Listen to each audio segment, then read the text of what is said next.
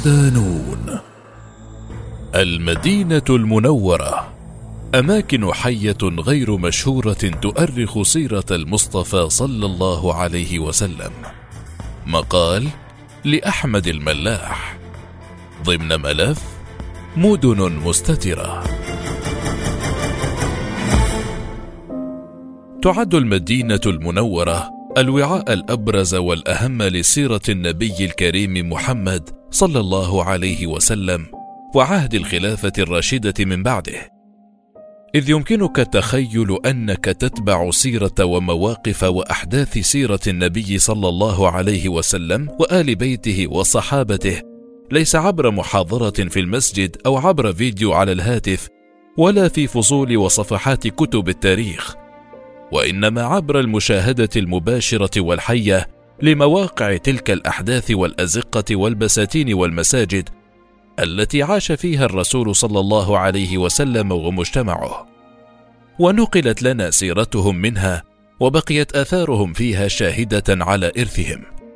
ويكاد لا يخلو موضع في مدينة النبي من حدث يرتبط بسيرته عليه الصلاة والسلام. لكن تتبع ذلك بات صعبا اليوم في ظل تقادم الزمان وتغير البنيان والعمران. والإهمال الذي طالها في بعض الأحيان والحداثة غير المبالية بهذا الإرث العظيم ما جعل زائر المدينة المنورة لا يمكنه قراءة السيرة النبوية من خلال الأرض.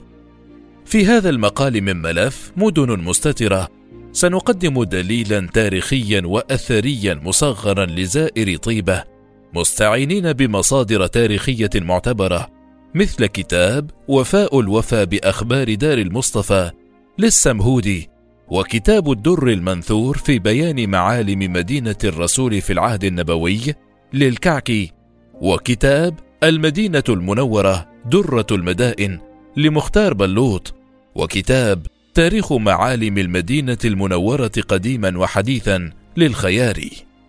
وكذا بالوقوف الميداني لنقدم لكم خريطة مبسطة ترشدكم لدى زيارتكم للمدينة المنورة إلى المواقع المتوارية خلف المواقع المعروفة التي سنلقي عليها التحية من بعيد كالمسجد النبوي الشريف ومسجد قباء ومسجد القبلتين ومسجد ذو الحليفة ميقات أهل المدينة ومقبرة البقيع وجبل أحد التي يعرفها ويزورها كل من قصد المدينة.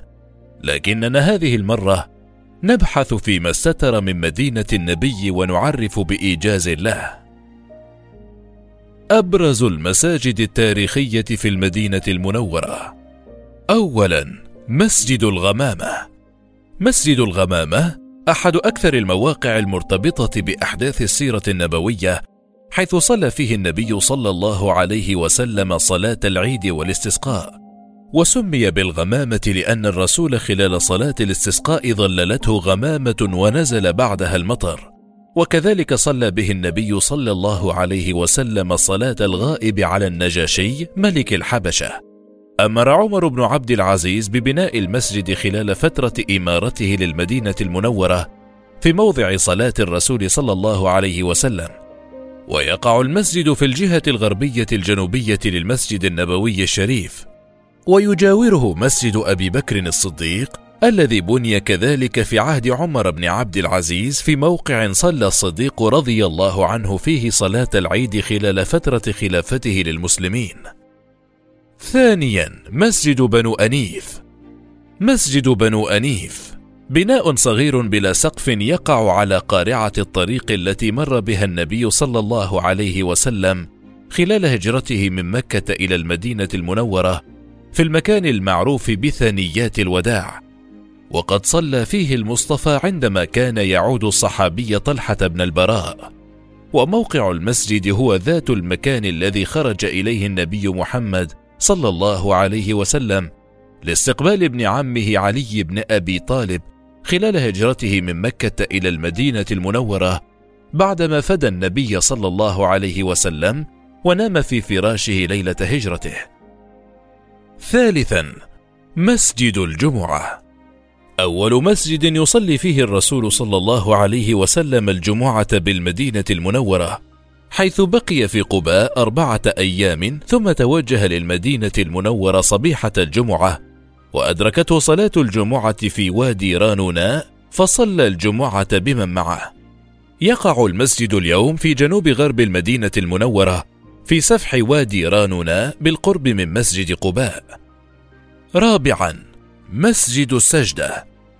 هو مسجد صغير يؤرخ موضع سجود الرسول صلى الله عليه وسلم سجدة شكر بعد تلقيه البشارة فيقول النبي صلى الله عليه وسلم: إن جبريل عليه السلام أتاني فبشرني فقال: إن الله عز وجل يقول: من صلى عليك صليت عليه ومن سلم عليك سلمت عليه فسجدت لله عز وجل شكرا ومكان السجدة كان عبارة عن بستان للنخيل يطلق عليه بستان البحير ويقع المسجد اليوم في الطريق لجبل أحد.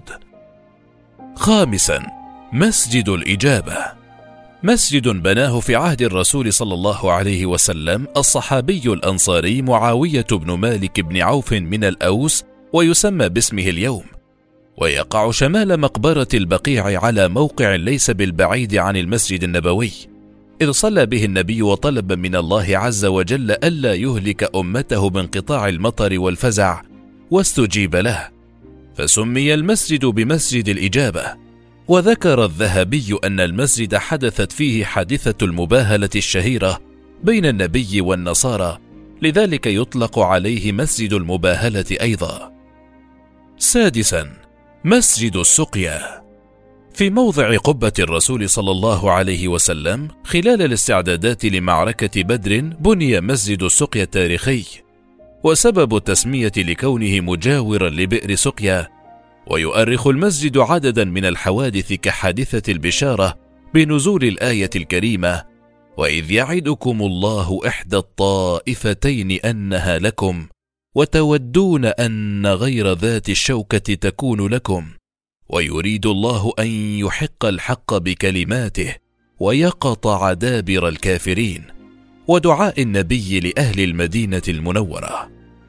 استخدم المسجد كمكان للاستسقاء في عهد الخليفة عمر بن الخطاب بحادثة طلب المطر ببركة العباس عم النبي صلى الله عليه وسلم.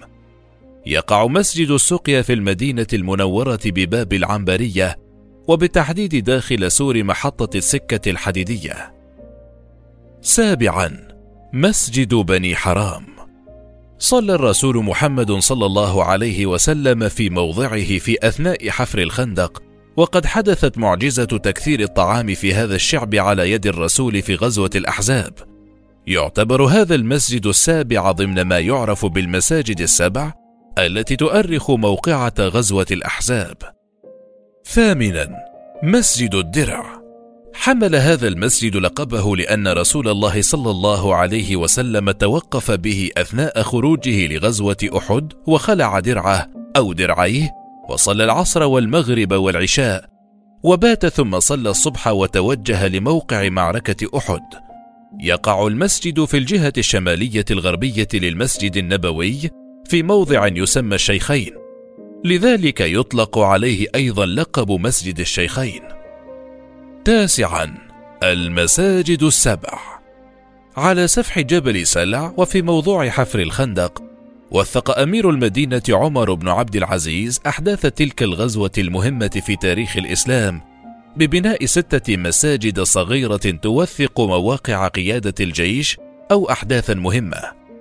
فبني موضع خيمة الرسول التي قاد منها المعركة مسجد الفتح، ومواقع قيادات الجيش بني مسجد سلمان الفارسي، ومسجد أبي بكر الصديق، ومسجد عمر بن الخطاب، فيما بني مسجد علي بن أبي طالب موضع مبارزته الشهيرة التي قتل فيها عمرو بن ود العامري، والمسجد السادس مسجد فاطمة الزهراء، وهو ذات الموضوع الذي استشهد فيه الصحابي سعد بن معاذ.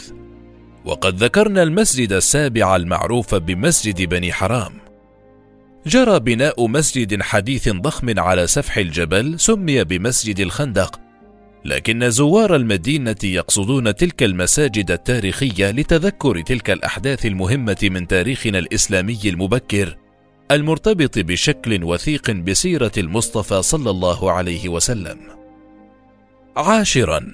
مسجد العصبة. بنى الأنصار الذين أسلموا قبل الهجرة هذا المسجد قبل وصول النبي صلى الله عليه وسلم إلى المدينة واتخذته بنو جحجب مسجدا لهم وصلى فيه المهاجرون الأوائل قبل قدوم النبي للمدينة المنورة كما صلى الرسول صلى الله عليه وسلم في هذا المسجد. يطلق أيضا على المسجد لقب مسجد النور ويقع داخل بساتين النخيل في منطقة العصبة ضمن قباء ولا يصله إلا القليل من الزوار لعدم معرفة الكثيرين به. الآبار والمزارع الأثرية في المدينة المنورة. تعد المدينة المنورة عبر تاريخها مدينة زراعية بامتياز. امتهن أهلها الزراعة لقرون طويلة قبل الإسلام واستمروا بعده إلى يومنا الحالي. لذلك تشكل الوديان والآبار ومزارع النخيل جزءا من تراث وتاريخ مدينة طيبة. ولأن أحداث السيرة النبوية امتزجت بعدد من تلك البساتين وحوائطها ومياهها وثمارها أصبح من المهم الوقوف عندها والاطلاع عليها. وإليكم أبرز ما تبقى من آبار وبساتين المدينة المنورة. بستان المستظل. على بعد أمتار قليلة غرب مسجد قباء يقع بستان المستظل وهو المكان الذي استقبل فيه الأنصار الرسول صلى الله عليه وسلم عند قدومه مهاجرا للمدينة المنورة. وتعود سبب التسمية للبستان بالمستظل لأن أبا بكر الصديق قام يظلل النبي بردائه حتى لا تؤذيه الشمس فحمل البستان هذا اللقب حتى يومنا هذا. والبستان قائم اليوم يمكن زيارته والشرب من بئر عذق الذي شرب النبي صلى الله عليه وسلم منه وما زال قائما يتدفق بالماء الغزير داخل البستان. بئر روما. تعود قصة بئر روما التي كانت ملكا لأحد الصحابة واسمه روما الغفاري وكان يبيع منها الماء. فقال له الرسول صلى الله عليه وسلم تبيعها بعين في الجنة فقال ليس لي يا رسول الله عين غيرها لا أستطيع. فبلغ ذلك عثمان بن عفان فاشتراها بخمسة وثلاثين ألف درهم. ثم أتى النبي صلى الله عليه وسلم فقال أتجعل لي مثل الذي جعلت له عينا في الجنة إن اشتريتها؟ فقال الرسول الكريم نعم. فقال عثمان قد اشتريتها وجعلتها للمسلمين. ما زالت البئر إلى اليوم قائمة وسط بستان للأسف مهمل ولا تتلقى الرعاية التي تستحق. ويمكن مشاهدة البئر من أسوار البستان دون الدخول له لأنه مغلق أمام الزائرين. في مشهد محزن يتكرر في الكثير من مواقع المدينة التاريخية. مزرعة سلمان الفارسي. حينما اشترط سيد سلمان الفارسي أن يزرع ثلاثمائة نخلة لكي يعتقه تضامن معه الصحابة بتوصية من النبي عليه الصلاة والسلام فجمعوا النخل المطلوب وغرس الرسول صلى الله عليه وسلم النخل بيده الشريفة ونال سلمان الفارسي حريته. وبقيت هذه المزرعة ونخيلها شاهدة على تلك القصة. تقع مزرعة سلمان الفارسي في منطقة العوالي وفيها بئر ما زالت تتدفق يمكن زيارة المزرعة والاستمتاع بالتجول بين نخيلها وشرب الماء من ينابيعها. هناك العديد من الآبار والبساتين التي أزيلت نتيجة توسعة المسجد النبوي مثل بئر الحاء وبئر الخاتم التي شرب النبي منها وسقط فيها خاتم النبوة من يد الصحابي عثمان بن عفان، ولم يعثر عليه إلى يومنا هذا وبئر الحاء التي اصبحت داخل حرم المسجد وغيرها من البساتين والمواقع التي اندثرت نتيجة غياب الاهتمام أو التوسعة العمرانية للمدينة دون مراعاة المواقع التاريخية والتراثية فيها. مواقع تستحق الزيارة. منزل السيدة فاطمة. عند توسعة المسجد النبوي الشريف في عهد الوليد بن عبد الملك خرجت السيدة فاطمة من بيت جدتها فاطمة الزهراء لتسكن في حرة المدينة، فحفرت بئرا بجوار منزلها، وينقل السمهودي في كتابه وفاء الوفا بأخبار دار المصطفى قصة حفر البئر بعد أن انتقلت إلى موضع دارها بالحرة فابتنتها وهي يومئذ براح وموضعها بين دار ذكوان وبناء إبراهيم بن هشام. قال فلما بنت قالت ما لي بد من بئر للوضوء وغير ذلك من الحاجة. فصلت في موضع بئر دارها ركعتين ثم دعت الله وأخذت المسحاه فاحتفرت بئرها وأمرت العمال فعملوا فما لقيت حصاة حتى أماتها. المنزل وسبيل الماء المرتبط بالبئر ما زال قائما إلى اليوم في منطقة الحرة الغربية في طريق العقيق على شارع العنبرية ويمكن زيارته. سقيفة بني ساعدة. في الجزء الجنوبي من المسجد النبوي الشريف وعلى بعد أمتار قليلة تقع حديقة صغيرة مسيجة توثق موقع سقيفة بني ساعدة. والمدينة المنورة كانت تشتهر بالسقائف التي تعتبر مواقع للسمر وجلسات المشاورة لأهالي المدينة. وقد وقع في هذه السقيفة الحادثة المشهورة التي بويع فيها أبو بكر الصديق أول خليفة للمسلمين بعد وفاة النبي محمد صلى الله عليه وسلم. متحف سكة الحجاز تتعدد المتاحف في المدينة المنورة مثل متحف دار المدينة ومتحف السيرة النبوية، لكن متحف سكة الحجاز يعتبر أبرزها وأهمها من ناحية البناء والمحتوى الأثري. حيث يستحل هذا المتحف بناية تاريخية عثمانية وهي بناية محطة سكة حديد الحجاز وفي المتحف العديد من الآثار المهمة ككتابات تعود للعهد النبوي الشريف وقوس الصحابي سعد بن أبي الوقاص. وقوس الصحابي سعد بن أبي وقاص. المتحف الذي يضم أربعة عشر قاعة عرض تحاكي تاريخ المدينة المنورة منذ ما قبل الإسلام إلى اليوم. مفتوح أمام الزوار ويمكن لمن يزور المدينة أن يقصد شارع العنبرية الذي تقع فيه بناية المتحف ويمكنه أن يزور جامع العنبرية الذي بني أيضا في عهد السلطان عبد الحميد الثاني.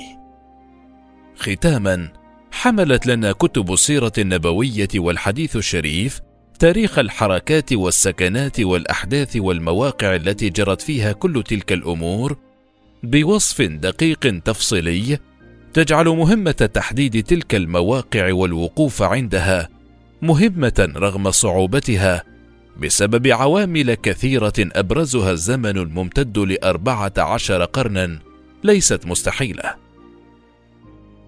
إن قراءة حديث نبوي أو حدث تاريخي في السيرة يولد معرفة وفهما بالتأكيد لكن الوقوف في موقع الحدث ومشاهدته بالعين المجردة خاصة إن كان ذلك الموقع يمنح المتلقي شكل الأرض قبل أربعة عشر قرنا يجعلنا أكثر فهما وأقرب للوعي الكامل بالمقاصد والغايات وأوثق في مراجعة النص التاريخي. لذلك كتب هذا الدليل الأثري المصغر لموقع السيرة في مدينة النبي محمد صلى الله عليه وسلم ليذكر بأهمية الحفاظ على القليل المتبقي من آثار المدينة الأولى في تاريخ الإسلام ويساعد الزائرين للمدينة بالوقوف على ما تبقى من تاريخنا في هذه الأرض المباركة.